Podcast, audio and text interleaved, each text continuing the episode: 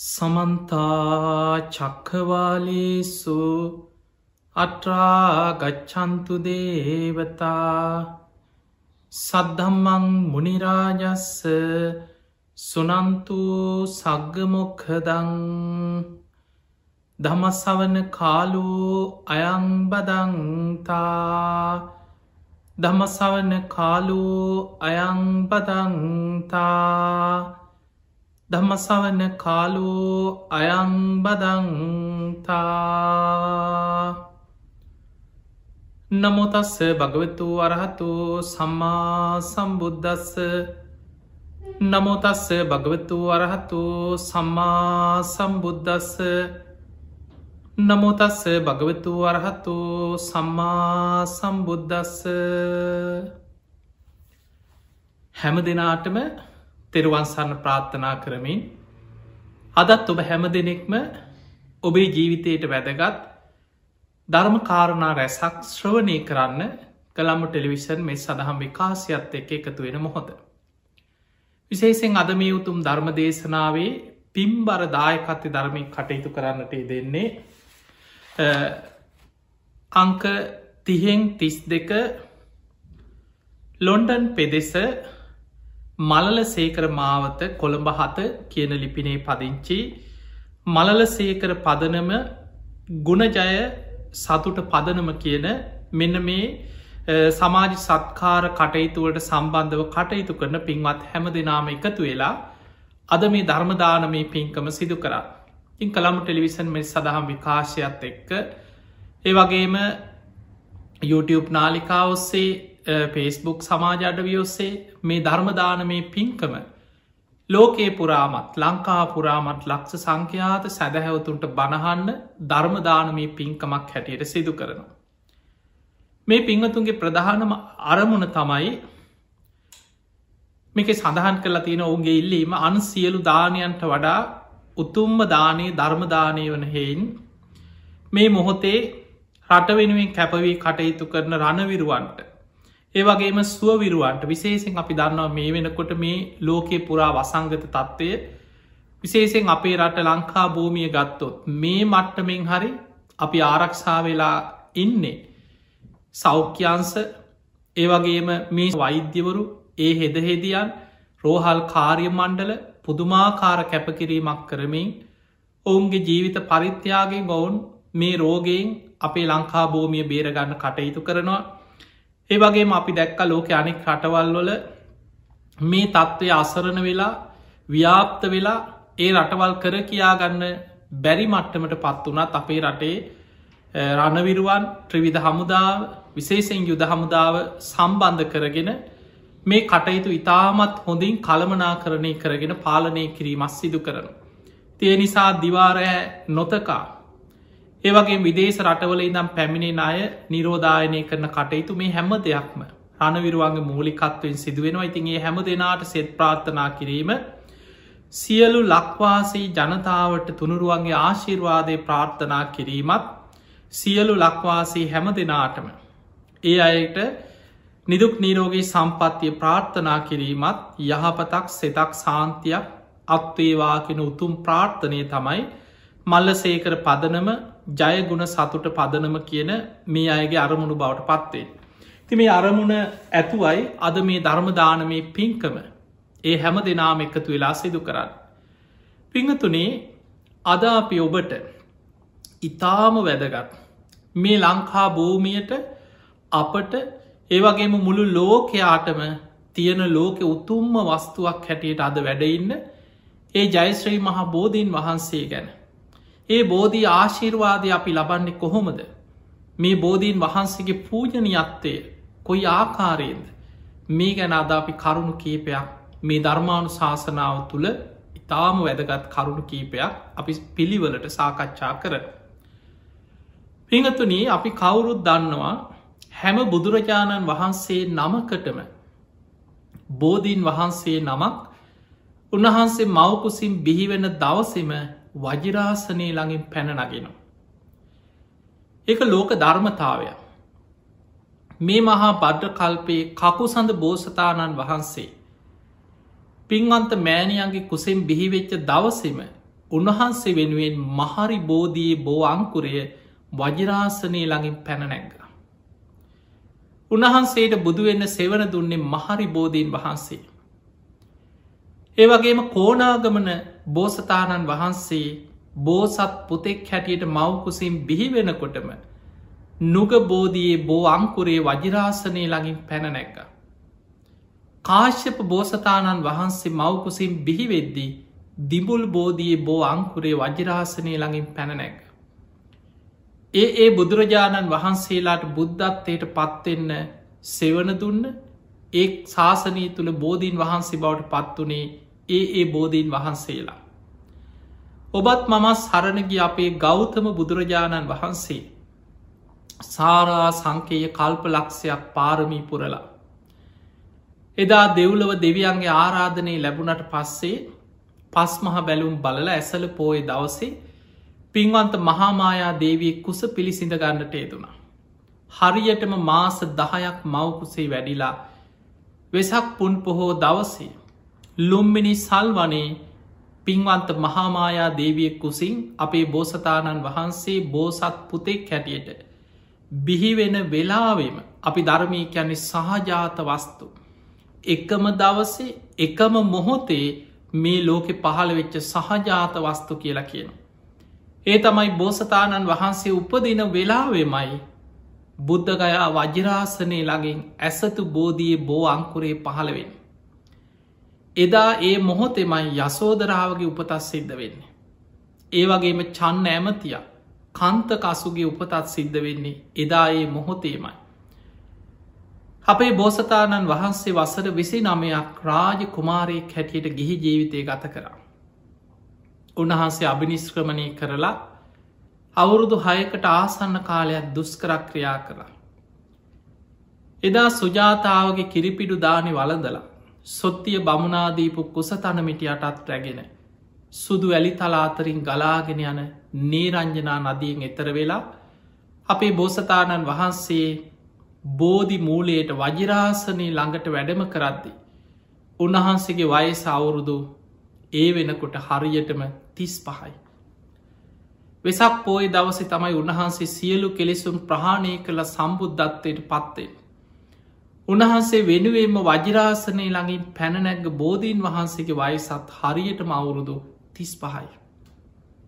එදා කුසතන අරගෙන ගිහිල්ල මේ බෝධි මූලේ ඉස්සල්ලාම අටුවාවල සඳහන් වෙන තොරතුරුමේ. උතුරු දිසාවට කුසතරයල මහපොලෝ කම්පාවට පත්වෙන. උන්වහන්සේට යම් වැටහීමක් ඇතිවෙනවා පෙර බුදුවරු උතුම් ධර්මය අවබෝධ කරානං උතුරු දිසාවට නොවී වැඩයි නැත්තේ. දකුණු දිසාවට කුසතනයලන ඒ වෙලාවෙත් පොලෝ කම්පාවට පත්වෙන. බටහිර දිසාවට කුසතනයලනවා එතනදිත් පොලෝ කම්පාවට පත්වෙන. නැගෙනහිර දිසාවට කුසතනයලනවා කිසි වෙන සක්වෙන්න උන්වහන්සේට වැටහෙනවා. එහෙම නං මා වැඩ සිටිය යුතු දිසාව නැගෙනහිර දිසාවට මුහුණලා. උන්වහන්සේ ඒ බෝමිය වජිරාසනය මත චතුරංග සමන්නාගත වීරියෙන් වැඩ සිටිය කියල අපි අහලතිය. මේ චතුරංග සමන්නාගත වීරිය කියලා හඳුන්නන්න. උන්වහන්සේ දැඩි වීරියක් හිතර ගත්තා. මගේ ශරීරයේ සම්මස් වියලේවා. ඇටනහර පමණක් ඉතිරිවෙතොත් ඉතිරිවේවා. පුරුෂ වීරියෙන් පුරුෂ පරාක්‍රමින් යම් ධර්මයක් අවබෝධ කරගත යුතුද. ඒ උතුම් ධර්මය අවබෝධ කරගන්න නැතුව මැරුණත් මගේ ජීවිතයේ නැති වුණත් මං මේ ආසනය නැකිටින් නෑ කියන දැඩි අධිෂ්ඨාන. අන්නේ අධිෂ්ඨානයට කියනවා චතුරංග සමන්නාගත වීරිය. එවැනි වීරියකින් වැඩ සිටිය නිසා ඒ ආසනයට කියෙනව වජිරාසනය කියලා.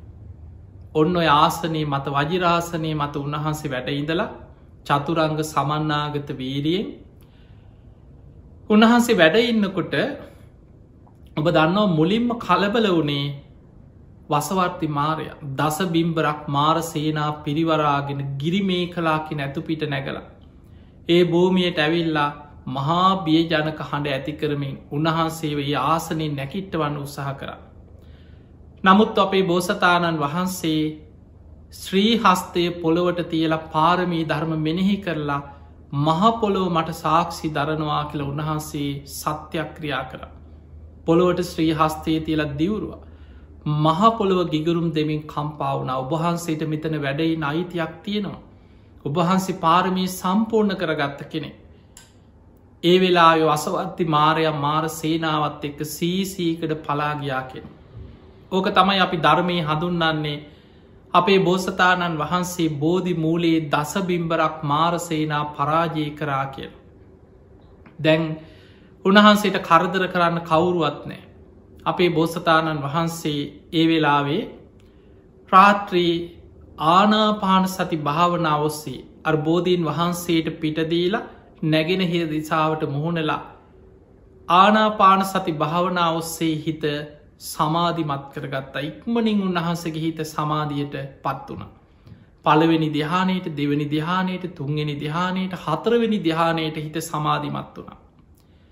හතරවෙනි දිහානයට සමාධිමත්වෙච්ච උන්වහන්සේගේ ඒකාග්‍ර මනසිං අපේ බෝසතාණන් වහන්සේ තාම් බුදු වෙලා නෑ. උන්වහන්සේ හිත යොමු කරා තමන් වහන්සේ ගත කරගෙන අප පෙරජීවිත දකින්න. උන්වහන්සේ හිත යොමු කරනවා සමගම පලවෙනි විද්‍යාව උන්වහන්සේට පහළ වුණ.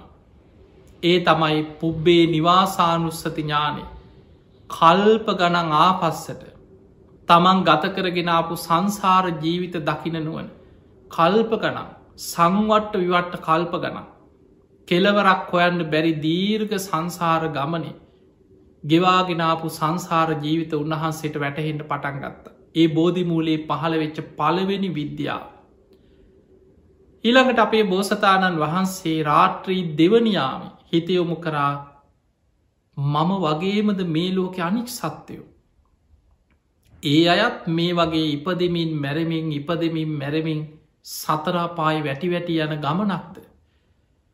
බෝධි මූලයේදී අපේ බෝසතාණන් වහන්සේට පහළ වෙච්ච දෙවනි විද්‍යාව තමයි චුතූප පාතඥානය. චුත කියන්නේ කෙනෙක් ඒ ඒ සත්වයන් සත්ව ලෝකවලින් චුතවීම.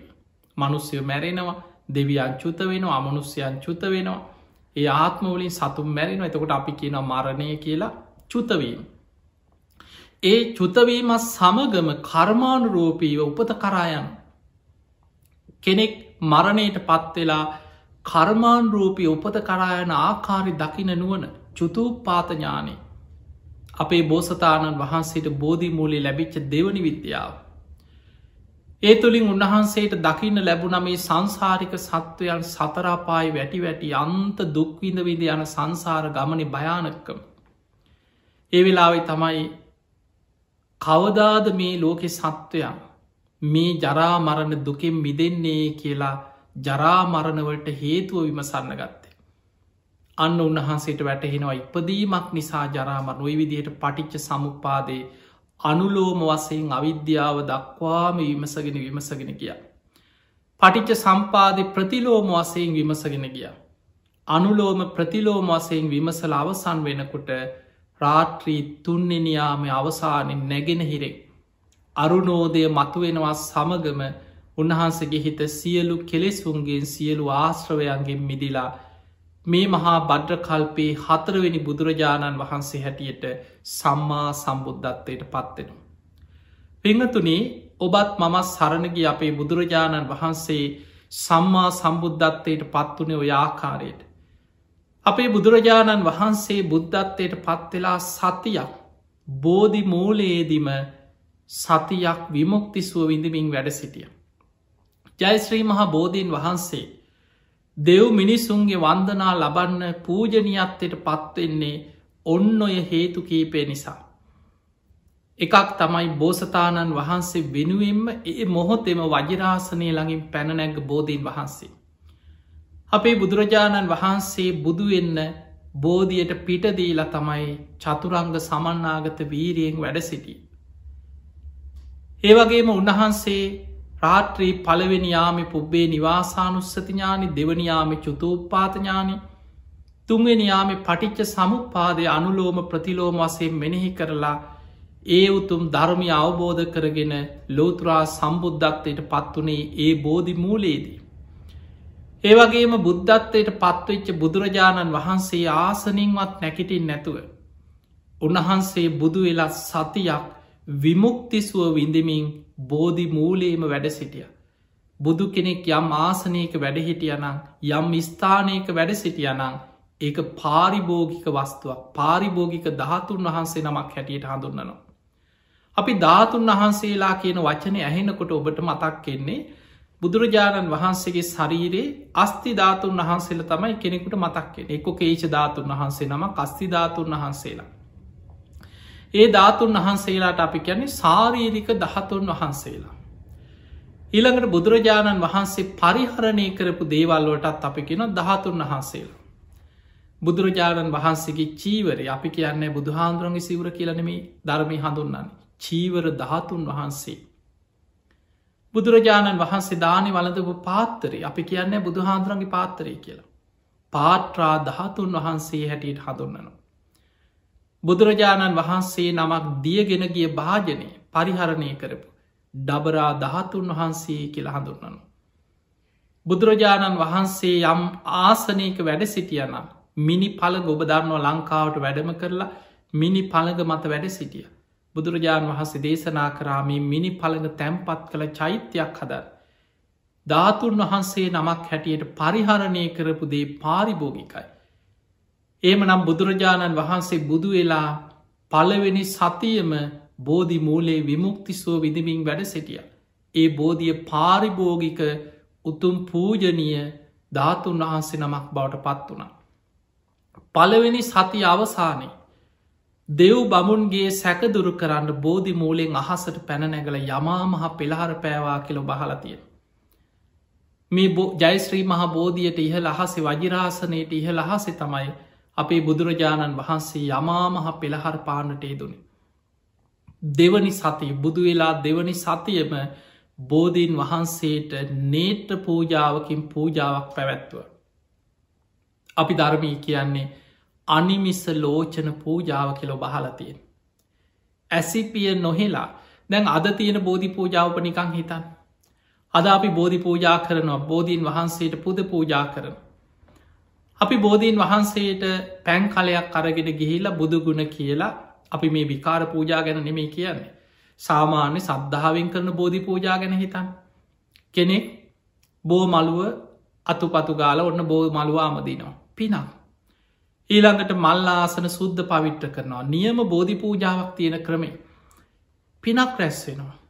ඊළඟට මල් පූජ කරත් ඒ මල් නිකන් තැන්තැංගොල විසි කරන්න නැතුව ලස්සනට පිළිවලට සකස් කරලා පූජා කරන්න හිත පහදින විදියට මල්වට්ටිය සකස් කරන්න. දැහැත් ගිලම් පස පූජා කරද්දි බොහොම ගෞරවින් ජියවමාන බුදුරජාණන් වහන්සේට පූජා කරනවා වගේ ගෞරවී පූජා කරන්න. ඊළඟට මිනිස්ව අපි දැකල තියෙනවා පැන් කල අරගෙන බුදුගුණ කිය කියා. බෝධීන් වහන්සේ වටා ප්‍රදක්ෂිනා කරලා බෝධීන් වහන්සේට පැන්වක් කරන. එදකොට කිරියාහාර පූජාවක් වේවා ඔය පැම් පූජාවේවා දානය පූජා කිරීම් වේවා ගිලම් පස පූජාවක් වේවා ඔය සියලු බෝධි පූජාවල් අදාපි කරන පූජාවල් බොහොම ලේසි. ඔබ හිතන්න අපිට ප්‍රතිපක්තියක් හැටියට බෝධීන් වහන්සේ දෙස නෙත් යොමාගෙන අඩුගානෙ පැයක් පැය භාගයක් ඔබට ඇසිපියෙන් නොහෙලා බලාගෙනන්න පුළද බෝධියද අඩුගාන විනාඩි දහය. බෝධීන් වහන්සේ දෙස එක එල්ලේ එකම අරමුණකින් එකම අධිෂ්ඨානය බුදුරජාණන් වහන්සේ මේ බෝධිමූලේ වැඩඉන්නවා කියෙන අධිෂ්ඨානයෙන් හිතේ සද්ධාවෙන් බුදුගුණ සිහිකර කර බෝධිය දිහාම බලාගෙනන්න පුළුවන් දෙක ඉරියවේ පැය භාගයක් අතින්න බෑ මනුස්සේකුට. ඇසිපිය නොහිලා අඩුගාන විනාඩි කීපයක් අත ඉන්න පුළුවන්කමක් නෑ. හැබැයි අපේ බුදුරජාණන් වහන්සේ බෝධියට කෘතගුණ සැලකීමක් හැටියට. නේට්‍ර පූජාවකින් පූජාවක් පැත්වේ අධිෂ්ඨාන පූජාව. අනාගතයේ දෙව්මනිස් ලෝකයා වැඳුම් පිදුන් ලබනයේ උතුම් බෝධීන් වහන්සේට බුදුරජාණන් වහන්සේ සතියක් නේට්‍ර පූජාවකින් පූජාවක් පැවැත්තු. ඔන්න ඔය හේතු එක්ක බෝධීන් වහන්සේ ජයශ්‍රී මහා බෝධීන් වහන්සේ ඉතාම පූජනීයත්වයට පත්වෙන. අපේ බුදුරජාණන් වහන්සේ දේශනා කරනවා පාරිභෝගික බුදු කෙනෙක් පරිහරණය කරපු වස්තුන් ධාතුන් වහන්සේලා අතර ජයශ්‍රී මහා බෝධීන් වහන්සේම අග්‍රයේ කියල බුද්ධ දේශනාවක සඳහන් වෙන අටුවාවල සඳහන් වෙන. පිංහතුන ඒ නිසා ජයශ්‍රී මහා බෝධීන් වහන්සේ. ඒ බෝධීන් වහන්සේගේ දක්ෂින සාකා බෝධිය තමයි අද අනුරාධපුර මහමයවුණා උයනේ ලංකා භූමිය වැඩ සිටින්. මතකතියාගන්න ඒ බෝධයේ බෝ අංකුරයක් නෙමේ. බෝ පැලේකුත් නෙමේ. බෝ ඇටේකින් හටගත්ත බෝ දල්ලකින් හටගත්ත ගහකුත් නෙමේ. බුදුරජාණන් වහන්සේ බුදුවෙච්ච ඒ බෝධීන් වහන්සේගේ දක්ෂින සාකාව දකුණු පැත්තෙ විශාලම අක්ත. එහෙම කිවොත් ඔබට හොඳට තේරෙනවා දක්ෂින සාකාව කෙන දකුණු පස බෝ අත්ත. එතකොට මේක කොහොමද ලංකා භූමියයට ලැබුණේ අපි අද මේ ධර්ම දේශනාවද ඔබට මේ ධර්මයේ සඳහන් වෙනේ අසිරිමත් විස්තරේ බෝධීන් වහන්සේගේ දක්ෂින සාකාව ලංකා භූමියයට ලැබි චාකාරය අපි කතා කර. පිංහතුනි මිහිදු මහරහතන් වහන්සේ ලංකාවට වැඩම කරලා. එදා ලංකා භූමියයේ සම්බුද්ධ ශාසනය ස්ථාපිත කරන්න ධර්ම දේශනා කරලා ඔය කටයුතු සිදු කරාට පස්සේ අනුලා බිසව ප්‍රධාන බිසෝවරු බණහල ධර්මය අවබෝධ කළ ඒ අයට පැවිදිවෙන්න. ඉල්ලීමක් කරනේ අපිටත් බුද්ධ ශාසනය තුළ පැවිදිවෙන්නවා. දේවානම් පේතිස් රජතුමා මිහිදු මහරහතන් වහන්සේට මේ කාරණය සිහිපත් කර. මිහිදු මහරහතන් වහන්සේ රජතුමාව දැනුවත් කරා රජතුමනි කාන්තාවන් පැවිදි කරන්න නම් දඹදිවෙන් සංගමිත්තාව ඇතුළු රහත් භික්‍ෂුණීන් වහන්සේලා වැඩම් විය යුතුයි. ඒ සමගම මහාබෝධියයේ දක්ෂින සාකාව මේ ලංකා භූමියයට වැඩැම්මිය යුතුයි.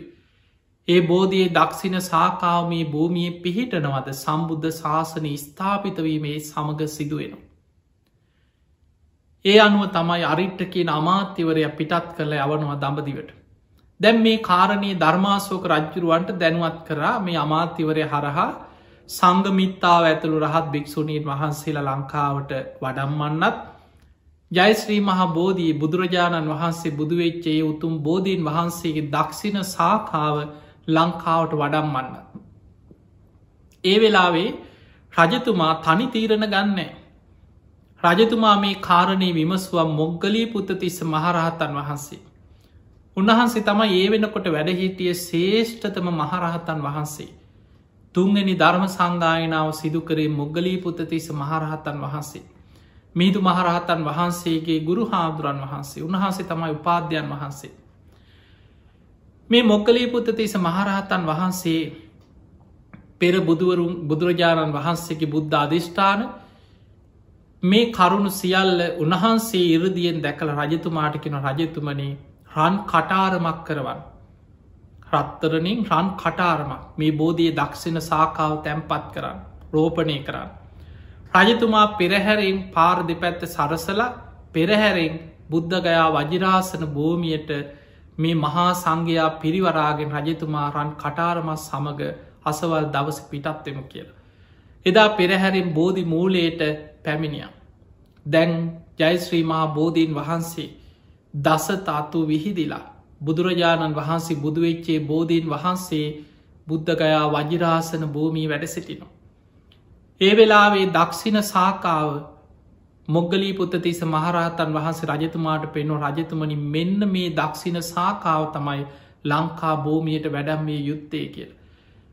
ඒ බෝධීන් වහන්සේගේ දකුණු පස දක්ෂින සාකාව රජතුමාගේ ඇඟ කිලි පොලාගයක් කොහොමද මේ බෝධියෙන් මම දක්ෂින සාකාවෙන් කරන්න.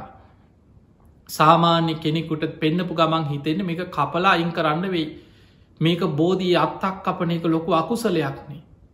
රජතුමාට බයක් ඇති වුණක් කොහොමද මේක මංවෙන් කරන්න මේ බෝධයේ දක්ෂින සාකාව.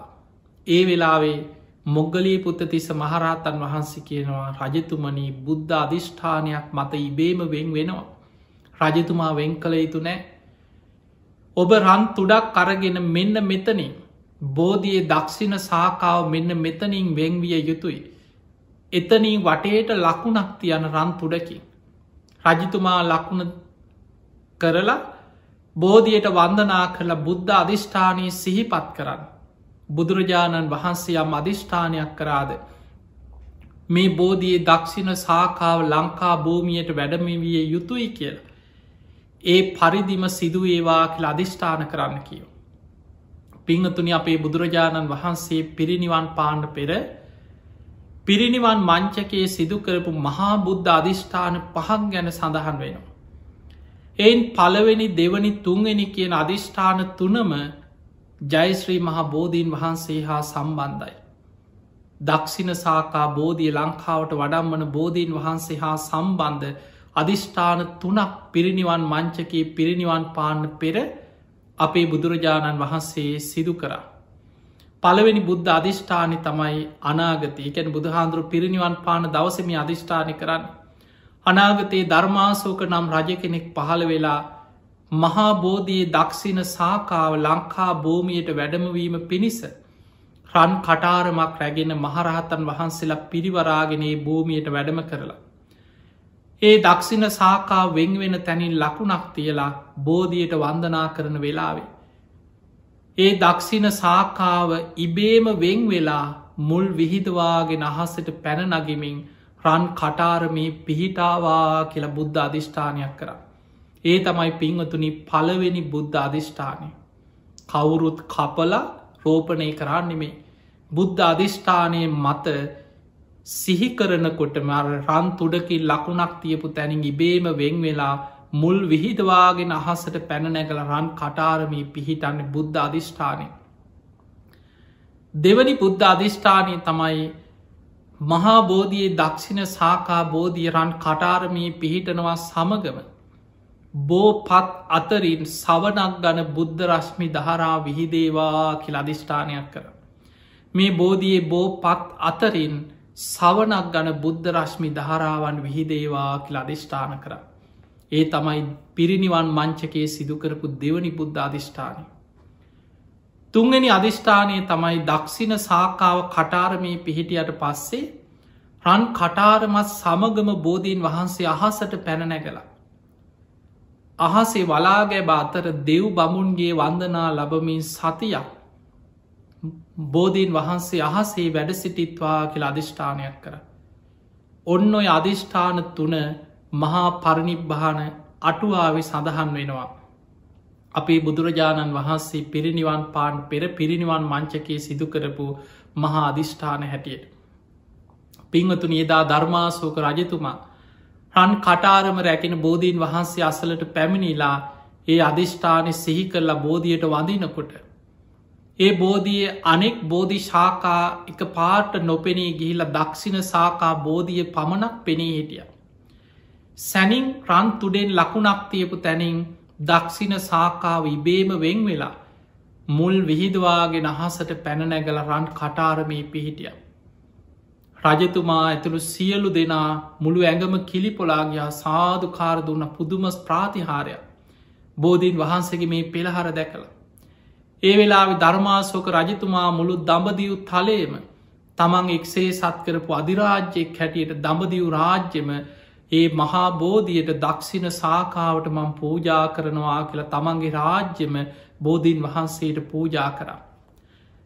ඊළඟට ඒ බෝධීන් වහන්සේගේ බෝ පත් අතරින් දෙවනි බුද්ධ අධිෂ්ඨානයට අනුව සවනක් ගන බුද්ධ රශ්මි දහරා විහිදෙන්න පටන්ගත්. ඊළඟට රන් කටාරමත් එක්කම බෝධීන් වහන්සේ අහසට පැන්නැගල. අහසේ වලාගේ බාතර රැඳමින් සතියක් අහසේ දෙව් බමුන්ගේ වන්දනා ලැබවා කියල අපේ ඉතිහා සඳහන් වෙනවා. සතිය අවසන් වෙනකොට ටික ටික ටික ටික බෝධීන් වහන්සේ පොලෝ මට්ටමට වැඩම කරා. ඒ බෝධීන් වහන්සේ සහිතරන් කටාරම පිළිගෙන බොහොම ලස්සන්ට සකස් කරපු රථයක තැම්පත් කරලා පෙරහැරෙන් වඩම්මගේ නැවිල්ලා ගංගානං ගඟායිනේ නැවක බෝධයේ දක්ෂින සාකාව තැම්පත් කරලා රජතුමා ඇතුළු පිරිස ගං ඉවුර දිගේ සමාන්තරව ගංගානන් ගඟ මුහුදට වැටෙන තැන දක්වායනවා. අර නැවේ බෝධීන් වහන්සේ සහිත නැව ගඟදිගේ මුහුද අයිනට එනකං ඇවිල්ලා එතනදීත් බෝධීන් වහන්සේ ආපහු අර නැවෙන් රැගෙන මණ්ඩපයක් මත තැම්පත් කරලා යළිත් දඹදිව රාජ්‍ය පූජාක් නොය විදියට තුන් වතාවක් ධර්මාසෝක රජතුමා ජයශ්‍රී මහා බෝධීන් වහන්සේගේ දක්ෂිණ සාකා බෝධියට දඹදිව් රාජ්‍යම තුන් වතාවක් පූජා කරා කළ ඉතිහා සඳහන් වෙන. ආපහුේ බෝධීන් වහන්සේ නැවේ තැම්පත් කළ රජතුමා කියනවා අරිට අමාත්‍යවරයට කියනවා ඔබගේන් මා හිතමිට්ට රජතුමාට දේවානම් පේතිස් රජතුමාට කියන්න මේ දඹදිව් රාජ්‍ය ජයශ්‍රී මහා බෝධීන් වහන්සේට තුන් වතාවක් මං පූජා කර. ලංකා රාජ්‍යත් මේ බෝධීන් වහන්සේට පූජා කරමින් පූජා පවත්වන්න කියලා දේවානම් පිතිස්ස රජතුමාන් දැනුවත් කරන්න කියව. එහෙම කියලා බෝධීන් වහන්සේ නැවේ තැම්පත් කරලා සංගමිත්ත ඇතුළු රහත් භික්‍ෂුණීන් වහන්සේලා ඇතුළු පිරිසත් සමග මේ නැව මුහොදට සේන්දු වෙලා නොපෙනී යනතෙක්ම රජතුමා සාධකාරදිදී ඇස්වල කඳුළු වගුරෝමින් සාධකාර්දමින් බලාගෙන හිටිය කළ ඉතිහා සඳහන් වෙන. දැම් මහා සාගරෙන් බෝධීන් වහන්සේ රැගෙන පැමිණෙන කොටත් හරිම අසිරිමත් දේවල් සිදු වෙලා තිය. ඒ තමයි ඔබ දන්නවා මේ මහා සාගරය අපේ ඇස් දෙකට නොපෙනෙන ධර්මයේ සඳහන් වෙන දැන් අපි දකින්නවේ මුහුද පීනන මාලු නොයෙක් සත්තු ගොරෝසු ශරීර ඇති සත්තු තමයි අපි දකින්න. හැබැයි මහා සාගරය ඉන්නවා අමනුස්යෝ ධර්මී සඳහන් වෙනවත් තිමි තිමංගල තිමිරපින්ඩල නාග අස්සුර ගාන්ධර්ව කියලා අමනුස්යෝ ගැන. තිමි තිමංගල තිමිරපින්ඩල නාග අසුර ගහන්දර්ව. මේ අයි අමනුස්ස වර්ග මනුස්්‍යය නෙමේ මාලුත් නෙමේ. එදකොට සාමාන්‍ය මෝද ඉන්න අර ඇහැට පේන සත්තු නෙමේ. සමහර අයගේ ශරීර යොදුන් සීයක් විශාලයි කියන. සමහරයගේ ශරීර යොදුන් දෙසීය තුන්සිය විස අපිට හිතාගන්න බෑ. මහා මුහුද විමාන කරගෙන අමනුස්ස විමාන තියෙනවාකි. ඒ අතර මුහුදෙන් මතුවෙච්ච යුගන්ධන පර්වතය වෙලාගත්ත නාගලෝක නාග විමාන ගැන සඳහන් අපේ ඇස්වොල්ට පේන දේවල්නෙමේ. මේ මහා මුහුදේ දැම් බලන්න එතන තිමි තිමංගල තිමිර පින්ඩල නාග අන්න නාගලෝකයේ මහා සාගරය ඇසුරු කරගෙන පවතින්. මේ නාගයම් බොහොම සද්ධාවන්තයි කියල ධර්මය සඳහන් වෙන. මේ නාගලෝකෙ නාගයන් හැබැයි ඒ අයට නිවන් දකින්න බෑ මාර්ග පල් ලබන්න බෑ එක අපායකට අයිතේ. දුගතියකට. හැබැයි ඔවුන් පිනට කැමති පින් කරන පිරිසා. සුගති යන්න හිතාගෙන පින් කරනවා නාගේ. ඒ නිසා මේ නාගයෝ අර බෝධීන් වහන්සේගේ දක්ෂින සාකාව රැගෙන මහා සාගරින් වඩිනකොට නැව මුහුද දිගේ එනකොට නාගලෝක නාගයන් කල්පනා කරා බෝධිය පැහැරගෙන නාගලෝකෙට ගෙනනිච්චෝ. අපිට හොඳක් ගොඩක් පින් කරගන්න පුළුවන් ඔබ දන්නවා බුදුරජාණන් වහන්සේ පිරිනිවන් පාල ධාතුන් වහන්සේලා බෙදනකොටත් ද්‍රෝණ බමුණක් සඟවගත්ත එක් දළදා වහන්සේ නමක් ජයසේන නාරජු පොළොව ඇතුළෙෙම නාගලෝකෙට අරගෙනාව. අද පොළොන් අරුවේ සෝමාවතී මහා සෑයි තැම්පත් වෙලා තියනේ දකුණු දළදා වහන්සේ නාලුව වැදුම් පිදුම් කරපුයේ දළදා වහන්සේ. ඊළඟට ඔබ අහල තියෙන අරුවන් වැලි මහා සෑය තැම්පත් වෙලා තියෙන ද්‍රෝණයක් ධාතුන් වහන්සේලා. ගංගානන් ගඟදිගේ එතනත් ගං යුරයිනේ රාමගාම නගරෙ කෝලිය රජදරුව චෛත්‍යයක් හදලා ධාතුන් දහන්සේලා තැම්පත් කළ තිබුණේ. මහා ගංවතුරත් එක්ක ගං යුරත් එක කඩාගෙන චෛත්‍යය ගඟට වැටු. කරඩුව පාවෙලා ගියා මහා සාගරයට. වතුරේ ගිලෙන් නැතුව සාගරයේ මත ගෑවි නොගෑවී කරඩුන් වහන්සේ ද්‍රෝණයක් ධාතුන් වහන්සේලා සහිත. බුද්ධ රශ්මි විහිදමින් මහා සාගරී වැඩ සිටිනවා. නාගලෝක නාගයන් දැකල සාධකාරදිදී නාලවට අරගෙන ගිහිම් බොහෝ කාලයක් නාලව ධාතු මන්දිරයක් මවාගෙන වැඳුම් පිදුම් කරා. ඒ උතුම් ද්‍රෝණයක් ධාතුන් වහන්සේලා තමයි සෝනුත්තර මහරහත්තන් වහන්සේ ඉරදියෙන් නාලුවට වැඩම කරලා ඒ ධාතුන් වහන්සේලා මනුලොවට වඩම්මගේ නැවිල්ල තමයි රුවන්වැලි මහා සෑය ද්‍රෝණයක් ධාතුන් වහන්සේලා හැටියට තැන්පත්වන. එනම් අපිට පේනවා යම් තැනක ධාතුන් වහන්සේලා හෝ පූජනය දෙයක් අනාරක්ෂිත වෙනවද. නාගයන්ට ගන්න පුළුවන් සාගරයේ හෝ යම් දිය පහරක් ආශ්‍රිත පරිසරයක තියෙනවද නාගයන් සැනින් නාලුවට ගෙනියන්න උත්සාහ කර. ඒ ඔවුන් පින් කරගන්න උන්ට වැඳුම් පිදුම් කරන්න. මේ ජයිස්ශ්‍රී මහා බෝධියයේ දක්ෂිණ සාකාවට නාගයන් පැහැරගන්න උත්සා කර. පිංහතුනේ සංගමිත්තාව කියන්න ඉරුදි බල සම්පන්න රහත් භික්‍ෂුණයක්. ගුරුලු වෙස් මවාගෙන අහසේ පෙළහර පාමින් නාගයන් දමනය කරාකෙන. මේ නාගලෝක නාගයන් ගුරුලන්ට බයයි කියල සඳහන් වෙන. ගුරුළුවෙස් මවාගෙන පෙළහර පාලා නාගයන් දමනය කරා. දැන් නාගයන්ට පැහැරගණ්ඩ බැරිවෙච්ච තැන නාගියෝ මොකද කරේ අපි අර සාමාන්‍ය කතාවට කියන්න මේ ඉස්සල්ලා උදුරගන්න උත්සාහ කරා ඊට පස්සේ ඇවිල්ල දැන් හොඳින් ඉල්ලනවා. ඊට පස්සේ නාගව පෙනීදලා කියා හිටිය අනේ අපිට අනුකම්පා කරන්න අපිට සමාවෙන් අපි බෝධිය පැහරගන්න හැදුවට අපිට සමාවෙන්. අපි කියන විදිහට කටයුතු කරන්න. අපිට නාලවට මේ බෝධීන් වහන්සේ වඩම්මල වැදුම් පිදුම් කරල අපේ නාග රාජ්‍යත් බෝධියයට පූජා කරන්න අපිට අවසර දෙන්න. අපිට සතියක්කත් අවස්ථාව දෙන්න කියලා ඉල්ලීමක් කර. ඉර්දි බල සම්පන්න සංගමිතා රහත් භික්‍ෂුනිය මේ බෝධියට නාගයන්ගෙන් අනතුරක් නොවෙන බවත්. ආපහු පොරොන්දු පරිදිම මේ නැවේ තැම්පත් කරන බවත් දැනගෙන සතියක් නාලවට බෝධීන් වහන්සේ වඩම්මන් අවසර දෙනවා. ලංකාවට දඹදිව ඉදං ජයශ්‍රී මහා බෝධයේ දක්ෂිණ සාකා බෝධීන් වහන්සේ වඩින අතරතුර සතියක් නාලුවට නාගයන් අරගෙන යන. ඒ නිසා තමයි අදටත් බෝධි පූජා කවිවල බෝධීන් වහන්සේ වදින කවිවල තියෙන්නේ සතියක් නාලුව පුදලද බෝධිය කියලා අපි වන්දනා කරන්න. සතියක් පුරා නාගයම් පුද පූජා කරලා. නාග රාජ්‍යම බෝධීන් වහන්සේට පූජා කරලා. රන් කටාරම සහිත බෝධීන් වහන්සේ ආපහු පොරොන්තු පරිදි නැවේ තැන්පත් කර. ඊට පසුවදා තමයි දඹකුල පටුනට මේ නැවසේද්දුවෙන්. බෝධීන් වහන්සේ වඩිද්දී බෝධීන් වහන්සේ පිළිගන්න මිහිදු මහරහතන් වහන්සේ ඇතුළු මහරහතන් වහන්සේලා එදා රජතුමා දේවානම් පෙතිස්ස රජතුමා ඇතුළු රාජකය පිරිස ඒ භූමියයට ගිහිල්ල හිටිය. මේ නැව ගොඩබීම ළඟට එනකොට රජතුමා කරවටක් වතුරට බැහැලා සාධු කාරදිදී ක්‍රන් කටාරම පිරිසත් එක්ක පිළිගත්තා කිය. බොහම ලස්සන්ට සරසපු රතයක තැම්පත් කළ පෙරහැරෙන් මගදිකට පුද පූජා පවත්තමින් පෙරහැරෙන් මහමෙවුණා වයනට වඩම්මගෙන පැමිණිය. මේ මහමෙවුණා වයනට වඩම්මගෙන පැමිණිලා පිංහතුනේ මහමෙවුණා උයනේ ජයශ්‍රී මහා බෝධීන් වහන්සේ රෝපණය වීමත් හරි මාශ්චරය. ඒත් ඒ තමයි අපේ මහාවන්සේ අපේ ඉතිහාස පොද්ධිහා බලනකොට සඳහන් වෙනවා පෙර කකුසඳ බුදුරජාණන් වහන්සේගේ මහරි බෝධියයේ දක්ෂිණ සාකාවත් මහමෙවුණා උයන අද ජයශ්‍රී මහා බෝධිය පිහිටපු තැන පිහිටල තිබිලතින ඒ කාලේ.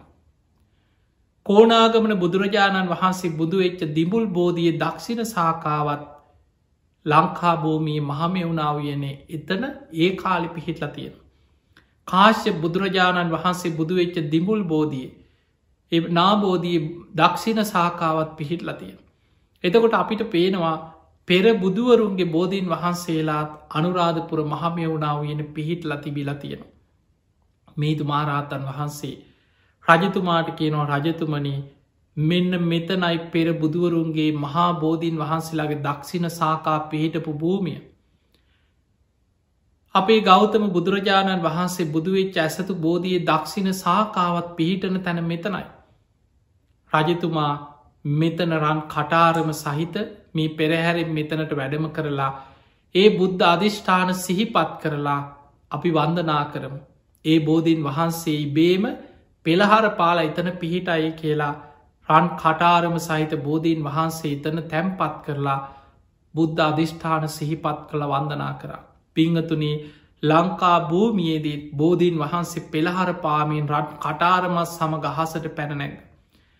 එදා දවසම අහසේ දෙව් බමුන්ගේ වන්දනා ලබමින් වැඩ සිටලා ටික ටික ටික ටික පොලෝ මට්ටමට වැඩම කරලා පෙර බුදුවරුන්ගේ බෝධි ශාකා පිහිටි තැනම පිහිටිය. ජයිශ්‍රී මහා බෝධිය දක්ෂිණ සාකාව පිහිටනවා සමගම මහපොළො ලංකා භූමියම කම්පාවට පත්වෙන. ආලෝක ධාරා විහිදිලා කියා කෙනොත් දෙව්ලෝට පවා. ඔය විදියට තමයි ජයශ්‍රී මහා බෝධීන් වහන්සේගේ දක්ෂිණ සාකා බෝධිය ලංකා භූමී පිහිටන්.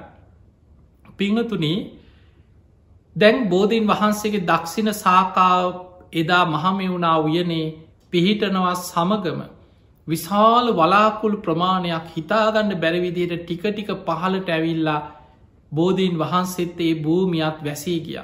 මේදු මහරහතන් වහන්සේ කියනෝ රජතුමනි සතියක් යනකම්. වැස්ස වලාහක දෙවියන් සමඟ දෙවියන් මේ බෝධීන් වහන්සේට වැසි ඇදහැලෙන්න සලස්සමින් පූජා පවත්තනවා. සතියකට පසුව බෝධීන් වහන්සේ දැක වන්දනා කරගන්න නගරම සරසලා පෙරහැරෙන් අපි එමු කියෝ බෝධි පූජාවක්තිය. රජතුමා ඇතුළු සියලු දෙනා පිටත් වෙලා ගියා මිහිතු මහරහතන් වහන්සේක මේ ඉල්ලීම පිළිගෙන. සතියක් මහා වැසි ඇද හැලෙමින් පොලෝ මට්ටමටම වලාකුළු වැඩම කරලා බෝධීන් වහන්සේ වසාගෙන වැසි ඇදහැරුණ කියල සඳහන්වෙන්. සතියකට පසුව පෙරහැරේ මුළු නගරෙම සරසලා ඒ වෙනකොට මහාබෝධී දක්ෂිණ සාකා වඩම්මපු මේ පින්කමට උත්සවයට ලංකා භූමිය පුරාම ප්‍රාදේශීය පාලක රජවරු ලංකාභූමිය පුරාම හිටිය බොහොම ශේෂ්ඨ පූජනීය පුද්ගලයෝ ඒ වෙනකොට හිටපු අයි මේ හැමෝම බෝධීන් වහන්සේගේ මේ පින්කමට අනුරාධපුරයට පැමිණිලා හිටිය. මේ සියලු දෙනා මිහිදු මහරහතන් වහන්සේ සමඟ පෙරහැරෙන් මහමෙවුනා උයනට වැඩම කරා. ඒ වැඩම කරපු වෙලාවේ දැන් වලාකුළු ඉවත් වෙලා බෝධීන් වහන්සේ හොඳට දර්ශනය වෙනවා මහා බෝධිය මහමෙවුනා වයන පිහිටලතියෙන ආකාරය. එතනදී මල් පූජා කරලා සාධකාර දෙමින් වන්දනා කරද්දී මේ බෝධීන් වහන්සේගේ බෝ පල බොහොම හොඳට මෝරල වැඩිච්ච බෝ පල කීපයක් තිබුණ. ඒ පලවෙනිම මේ බෝ පලේ මිහිදු මහරහතන් වහන්සේ අධිෂ්ඨාන කළ අතට ගත්ත. අරගෙන උන්වහන්සේ අධිෂ්ඨාන කළ රජතුමාට දුන්න රජතුමනි මේ බෝ ඇටේ බෝ පලය මේ රන් කටාරම තුළ මේ පස්වලින් වහල රෝපණය කරන්න ඔබේ ඇති. මීදු මහරහත්තන් වහන්සේ අධිෂ්ඨාන කරලා අරදීපු එක බෝ පලය රෝපණය කරනවා සමගම හරි මාශ්හරිමත් දෙයක් සිද්ධ වුණ. එක බෝ පලය අටට බෙදිලා බලාගෙනින් ඇදදි පුංචි දළුරිකිලි දාමින් බෝ අංකුර අටක් හටගත්තා. ඒ තමයි අෂ්ටඵල බෝධීන් වහන්සේලා. බෝධීන් වහන්සේ පිහිටපු වෙලාවෙත් ප්‍රාතිහාරි දැකලා එදා දේවානම් පෙතිස්ස රජතුමා ලංකා රාජ්‍යම බෝධීන් වහන්සේට පූජා කරනවා කියල ඔටුන්නත් ගලවල පූජා කරා බෝධියට. ඊළඟට දින හතකට පස්සෙ මේ ප්‍රාතිහාරය දැකලා අෂ්ටපල බෝධීන් වහන්සේලා හටගත්ත පෙළහර දැකලා දෙවනි වතාවට ලංකා රාජ්‍යම බෝධීන් වහන්සේට පූජා කර. ඒ වෙලාවේ මීදු මහරහතන් වහන්සේ නැවතත් අර තවත් බෝ අංකුර හතරක් අතට ගත්තා. උන්වහන්සේ අධිෂ්ඨාන කරලා රජතුමාට දුන්න රජතුමාන් පෙර විදිහටම මේ බෝවංකුර හතරක් රෝපණය කරන්න. ඒ හතරත් පස්වලින් වහල රෝපණය කරනවා සමගම එකක් අට බැගින් අංකුර තිස් දෙකක් හටගත්තා. ඒ තමයි දෙතිස් පල බෝධීන් වහන්සේලා. සියලු දෙනා පුදුමෙන් පුදුමට පත් වනා බලාගෙනින් නැද්දී එක බෝ අංකුරේ අටට බෙදිලා. අතු දළු රිකිලි දාමින් මේ බෝ අංකුර හටගත් ආකාරය. මේ විදියට අෂ්ට පල බෝධීන් වහන්සේලාත් දෙතිස් පල බෝධීන් වහන්සේලාත් පහළ වුණ. මහා බෝධිය පිහිටල හත්වනි දවසේ. එදා බෝධීන් වහන්සේ දැකගන්න වන්දනා කරන්න මුළු ලංකා භූමිය පුරාම ප්‍රාදේශය පාලක රජවරු ඇතුරු ඒ පූජනය පිරිස හැම දෙනාටම බෝධීන් වහන්සේගේ ආශිර්වාදය ලංකා භූමිය පුරාම බෙදිලෑන ආකාරයට අෂ්ටඵල බෝධීන් වහන්සේලා දෙතිස් පල බෝධීන් වහන්සේලා ඒ අයට ලබල දුන්න. තම තමන්ගේ ප්‍රදේශවලට පෙරහැරින් වඩම්මල තම තමන්ගේ පලාත්වල ප්‍රදේශවල මේ බෝධීන් වහන්සේ රෝපණය කළ පුද පූජා පවත්වන්න කියලා. ඔන්න ඔය විදියට තමයි පිංහතුනේ මහා බෝධයේ දක්ෂින සාකාව ලංකාවට වඩම්මලා අනුරාධපුර මහමෙවුණා උයනේ එදා රෝපණයවීම සිද්ධවෙන්.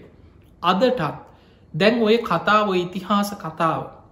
පිංහතුනි අපේ බුදුරජාණන් වහන්සේ මවකුසින් බිහිවෙච්ච දවසෙමයි වජිරාසනයෙන් බෝ අංකුරේ පැනනගින්. ඒ බෝධියේම දක්ෂින සාකාව තමයි මේ වැඩි. එහෙමනං බුදුරජාණන් වහන්සේ පිරිනිවන් පාල අවුරුදු කීයද්ද කියලා හිතන්. අවුරුදු දෙදස් පන්සිය හැට ගානද. බුදුරජාණන් වහන්සේ පිරිනිවන් පෑවේ අවුරුදු අසුවේ දිහෙනම් මවකුසින් බිහිවෙච්ච දවසෙ තමයි බෝධීන් වහන්සේ හටගත්ත. අවුරුදු දෙදස් හත්සිය ගානකටත් එහා පැරණි ඒ බෝධීන් වහන්සේගේ දක්ෂින සාකා බෝධීන් වහන්සේ අද තියෙන ආශ්චරයමත්ම දේ තමයි අදටත් අපිට අනුරාධපුර මහමයවුණා වයනේ සියසිංගේ බෝධීන් වහන්සේ දැකගන්න වාසනාවතියෙන්.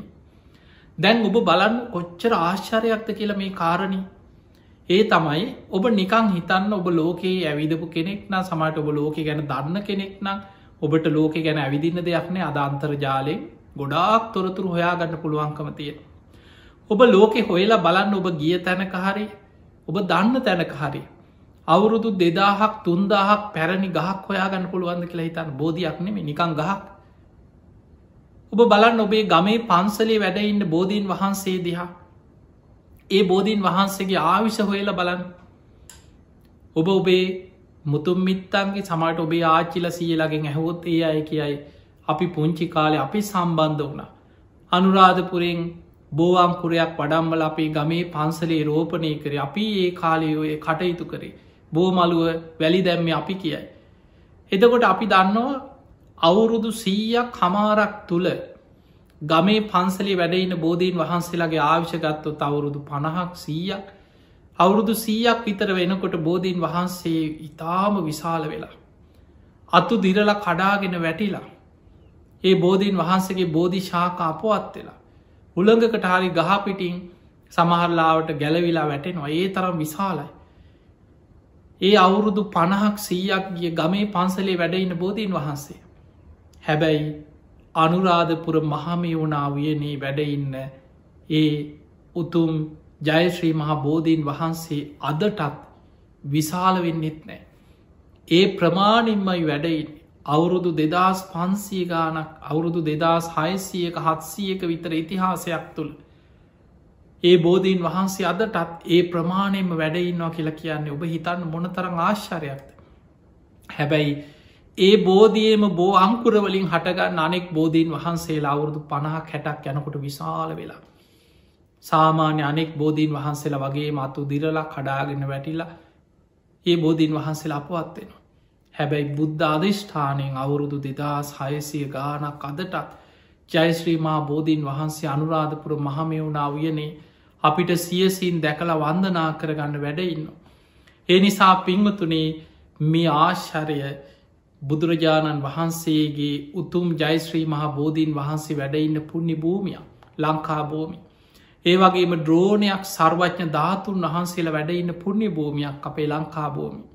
තිය නිසා විශේසෙන් ඔබ හැම දෙනාම මේ වෙලාව අපි දන්නවා මේ මොහොත මුළු ලෝකයාම අසරණ වෙච්ච වෙලාව. හිතාගන්නවත් බැ සමට මීට අවුරුද්ධකට විතර කලින් කවුරු හරි ඔබට කිව්වනම්. අනාගතයේ මෙහෙම වසංගතයක් කියල එකක් ලෝකයනවා. ලෝකෙම රටවල් අසරණ වෙන ඔයි දියුණු කියන රටවල් ඔක්කොම අසරණ වෙන. ලෝකෙ රටරටවල් ගුවන්යානා යාගන්න බැරුව ඔක්කෝම කටයුතු නවත්තනවා. ලෝකෙ මිනිස්සු ගෙවල්වලට කොටු වෙනවා. ලෝකෙ රටවල් මේ විදියට වැඩ කටයුතු නවත්තල එක එක්කෙනා මූුණු වහගෙන ආරක්ෂාවෙන්න උත්සාහ කරනවා. ඊළඟට අපේ රට ඔබ හිතන් මාස දෙකක් දෙකහ මාරක් ඇදිර නීතිය දාලා මෙහෙම තියන්න වෙනවා කියලා කවුරු හරි කිව්වන අවුරුද්ධකට විතර කලින් ඔබ කවදාවත් පිළිගන්න නෑ. නමුත් ඒ පිළිනොගන්නදී අපිට සිද්ධ වුණා. අද වෙනකොට කවදාවත් නොසිතපු දෙයක් මේ වසංගතයක් කියන දෙයක්. ඔබ සමහල්ලාවට අතීත වසංගත ගැන අතීත දේවල් අහල තිබුණට වර්තමාන මිනිස්සු හිතාගෙන හිටිය දැන් විද්‍යාව දියුණුයි තාක්ෂණයේ දියුණුයි කරන්න බැරි දෙයක් නෑ.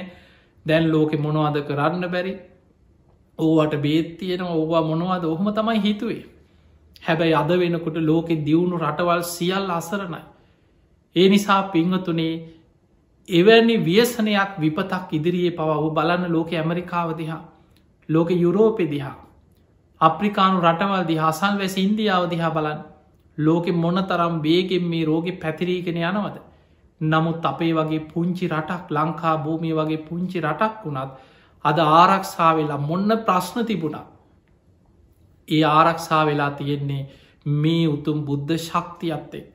යම් යම් ප්‍රමාණවලින් සාමාන්‍ය වාර්තා වනත් ලෝකයේ මේ පැතිරෙන වේගත් එක ගත්තොත් අපි යම් මට්ටමෙන් හරි ආරක්ෂාවනා තිය නිසා මිනිස්සු අපි දන්නවා නිතර තුනුරුවන් ගුණ සිහිකරමින් රතන සූට්‍ර කියමින් පිරිත් කිව්වා. පිරිත් පැන් නිසා. ජයිශ්‍රී මහා බෝධීන් වහන්සේ වැඩඉන්න භූමි අෂ්ට පල බෝධීන් වහන්සේලා දෙතිස් පල බෝධීන් වහන්සේලා වැඩඉන්න පිම්බිම්. රුවන්වැලි මහා සෑ ඒ වගේම චෛත්‍යරාජාණන් වහන්සේලා ධාතුන් වහන්සේලා වැඩඉන්න පිම්බිම. තිය නිසා මෙවැනි පුුණ්‍ය භූමියක වැඩඉන්න ඔබ හැබැයි මතකතියාගන්න මේ විපත් එනකොට ඒ පූජනීය භූමියටම බුදු හාමුදුරුවන්ට වැඩේ බාරදීලා බේරෙන්න්න පුළුවන්කමක් නෑ. ඒක ප්‍රතිඵල ඔබ ලබන්න නං ඔබ ඒ ආරක්ෂිත පුරුදු ඔබ පිළිපදින්නට ඕන ඒ සෞඛ්‍ය පුරුදු ඔබ ආරක්ෂා කරන්න. ඊළඟට ඔබ සිල්වත්වෙන් ඕන පිරිතක ප්‍රතිඵල ලබන්නත් බුදුන් වැඳල ආශිරවාද ලබන්නත් බෝධී ආශිර්වාද ලබන්නත් විශේසේ ඔබ සිල්වත් වෙන්නට ඕන. ඔබ හොඳට ගුණධර්ම පුරණ කෙනෙක් බවට පත්වන්නට ඕන අන්න එත කොටයි තුනුරුවන්ගේ පිහිට තියෙන. තිය නිසා විශේසින් අපේ රට එක පැත්තකින් යම් අගාදයකට යන ස්වභාවයක් අපිට පේනවා. ඒ ස්වභාව තියෙන මිනිස්සුන්ගේ සිල්වත්කමක් නැති එක. අපිට පේනවා හැම පැත්තෙම පිරිහීම.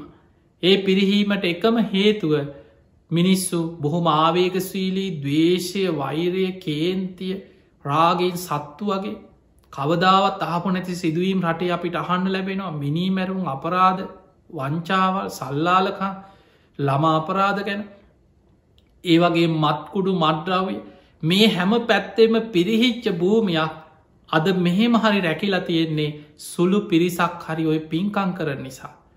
සුළු පිරිසක් හරි රටේ ජනගහනය ගත්තොත් බුදුන් අදින් නැති පිනක් කරන්න නැති ධර්මයක් නැති විශාල පිරිසක් හිටියට තව බොහෝ පිරිසක් ඉන්නවා. නිතර පිරිත් කියන නිතර බුදුන් අදින් නිතර පින්කාං කරන බෝධි පූජා කරන අන්නේ ආශ්චරය නිසා තමයි මේ විදිහට හරි ආරක්ෂා වෙලා තියෙන් තිය නිසා පිංගතුනි ඔබ මේ ලැබිච්ච මොහොතේ ඔබේ ජීවිතයේ ධර්මය තුළ පිහිටවාගන්න පුළුවන් තරං ඔබ ධර්මයෙන් ආරක්ෂාවෙන් නිතර තුනුරුවන් ගුණ සිහි කරන්න.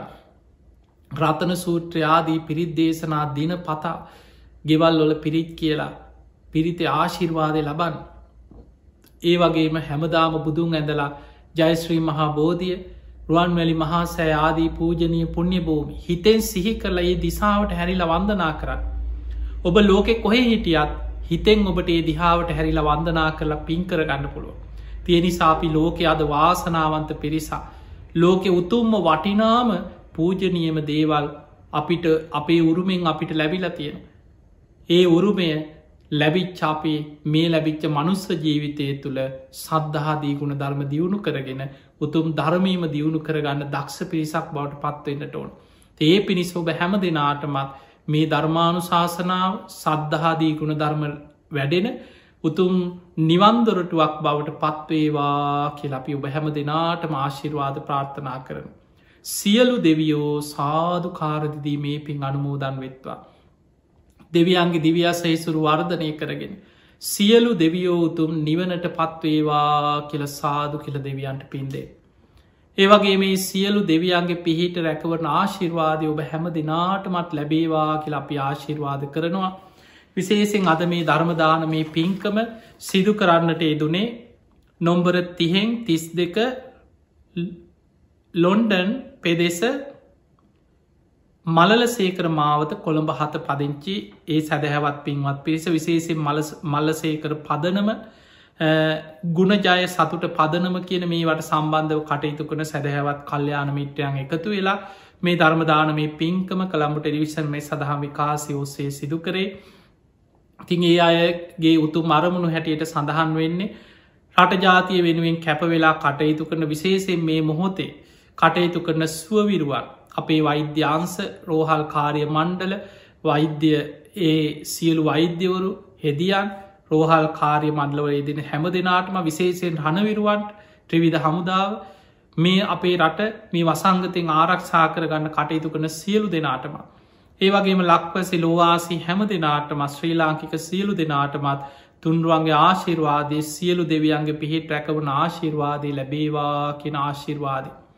ඒවගේ ඔබ හැම දෙනාගේම මිය පරලෝගේ සියලු ඥාතින් සිහිපත් කරගන්න. ඒවගේ මේ වසංගතයෙන් අසරණ වෙලා මිය ගියයි ලෝකවාසිය ඒ හැම දෙනාම ඒ අගේ පරලව ජීවිත සැපවත් ඒවා සුවපත්තේවා සංසාරදුකින් අතමිදේවා කියල සාදු කියල පින්දේ. ඔබ හැම දෙනාටමත් ධර්මශ්‍රවනය කළ ලක්වාසී ලෝවාසී හැම දෙනාටමත් නිදුක්වේවා නිරෝගිවේවා සුවපත්තේවා සියලු දෙවියන්ගේ පිහිට රැකවන ආශිර්වාද සැලසේවා. විශේෂෙන් ජයශ්‍රී මහා බෝධයේ ඒ උතුම් අනන්ත ගුණානු භාව බලය ස්වර්ණමාලි චෛත්‍යරාජාණන් වහන්සේගේ ද්‍රෝණයක් ධාතුන් වහන්සේලාගේ උත්තම ගුණානු භාව බලය ඔබටත් රටටත් ලෝකයටත් සියලු යහපත සැලසේවා. හැම දෙනාටම නිදුක් නීරෝගී සම්පත්තිය සැලසේවා. විශේෂයෙන් මේ ගෞතම බුද්ධ ශාසනය තුළ බක්කුල මහරහතන් වහන්සේ නිරෝගී භික්‍ෂූන් වහන්සේලා අතර අග තැන්පත් බක්කුල මහරහතන් වහන්සේගේ ආශිර්වාද උන්වහන්සකි නාමේ අපි විශේෂෙක් හොරණ ඉදිකරන බක්කුල මහා සෑ පිහිට ආශිර්වාදය. මේ යුගේ ලෝකයාටම සැලසේවා කියලපි ආශිර්වාද කරනවා. ආකා සට්හාචබුම් මට්හා දේවානාගා මහිද්දිකා පුඤ්ඥන්තන් අනුමෝදිත්වා. චිරන්රක් කන්තු ලෝක ශාසනං. ආකා සට්හාචබුම් මට්හා දේවානාගා මහිද්දිකා පුඤ්ඥන්තන් අනුමෝදිත්වා චිරන්රක් කන්තු දේශනං ආකා සට්හාචබුම් මට්හා දේවානාගා මහිද්දිකා පුඤ්ඥන්තන් අනුමෝදිත්වා චිරන්රක් කන්තුතුවං සදා හැම දෙනාම නිදුක්වේවා නිරෝගිවේවා සුවපත්තේවා සුවපත්තේවා හැම දිනාටම තෙරුවල් සරණයි.